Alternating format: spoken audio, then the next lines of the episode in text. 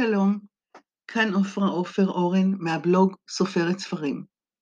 סונט ה-29 של אליזבת בארט בראונינג מתוך סונטות מהפורטוגזית בתרגומי. המחשבות עליך נחרחות כמו קנוקנות סביב גזע של העץ. עלים עוטפים, חוסמים מבט נועץ. הכל מוסתר, רק הירוק ישכון.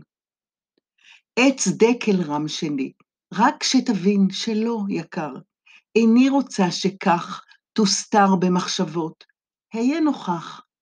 חזור עכשיו, חזק מאוד, יציב.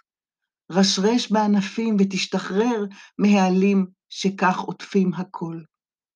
עליך להפיל, לפרוץ מהר, הרי אושרי כה רב, אך לא יכול לנשום עמוק, לנשום אוויר אחר, אם בצילי אתה קרוב מכל. באנגלית. I think of thee, my thoughts do twine and bud about thee as wide vines about a tree. Put out broad leaves, and soon there's naught to see except the straggling green which hides the wood.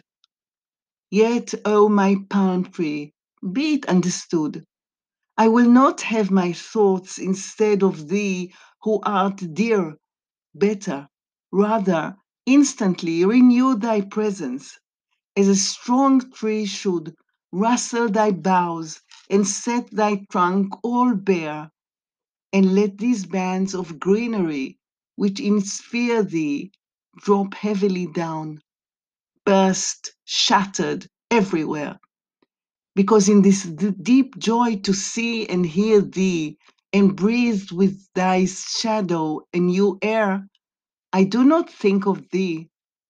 I'm too near thee.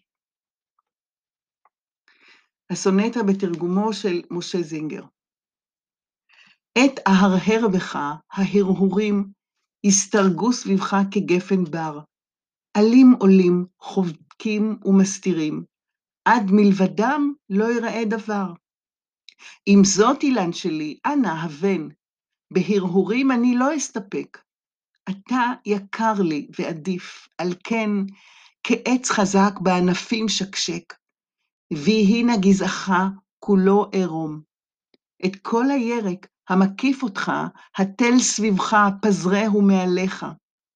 ואנוכי קרובה מדי אליך, מלהרהר, אשמח שוב לראותך, ובצלך אוויר חדש לנשום.